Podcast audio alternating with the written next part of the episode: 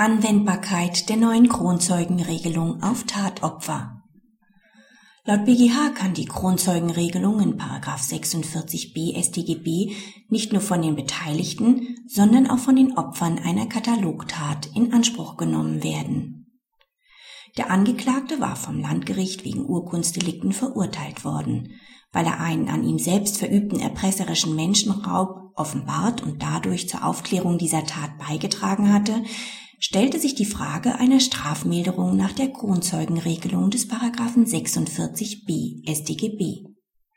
Das Landgericht hielt diese Norm jedoch für nicht anwendbar, weil es sich bei dem Angeklagten nicht um einen Tatbeteiligten, sondern um das Opfer einer Katalogtat im Sinne von Paragraph 46b StGB handelte.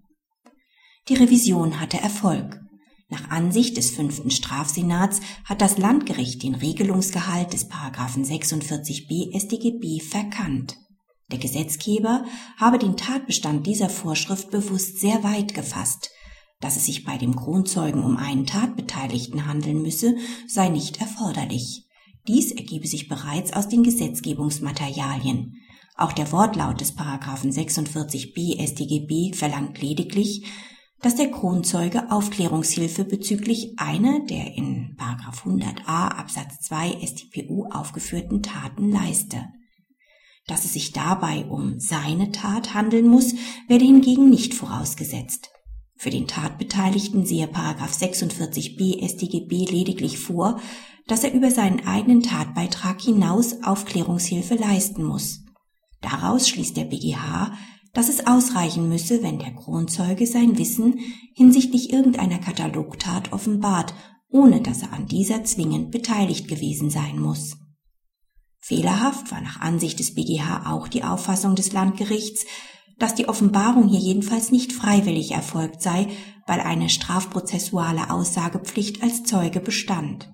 Der BGH stellt klar, dass ebenso wie bei der speziellen Kronzeugenregelung in 31 Betäubungsmittelgesetz die Freiwilligkeit nur dann ausgeschlossen ist, wenn der Betroffene nicht mehr Herr seiner Entschlüsse ist, sodass die Aussage nicht mehr auf einer autonomen Entscheidung beruht. Das Bestehen einer gesetzlichen Pflicht zur Aussage führt aber nicht zu einer derartigen Einschränkung der Entscheidungsfreiheit.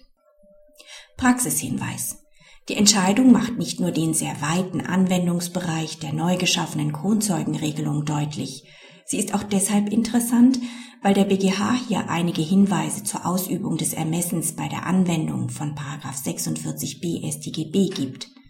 So muss das Gericht die in 46b Absatz 2 Nummer 1 StGB aufgeführten Umstände jeweils im Einzelnen darlegen und bewerten. Darüber hinaus kann aber auch zu würdigen sein, inwieweit der Kronzeuge mit der Aussage ausschließlich oder vorrangig eigene Interessen verfolgt.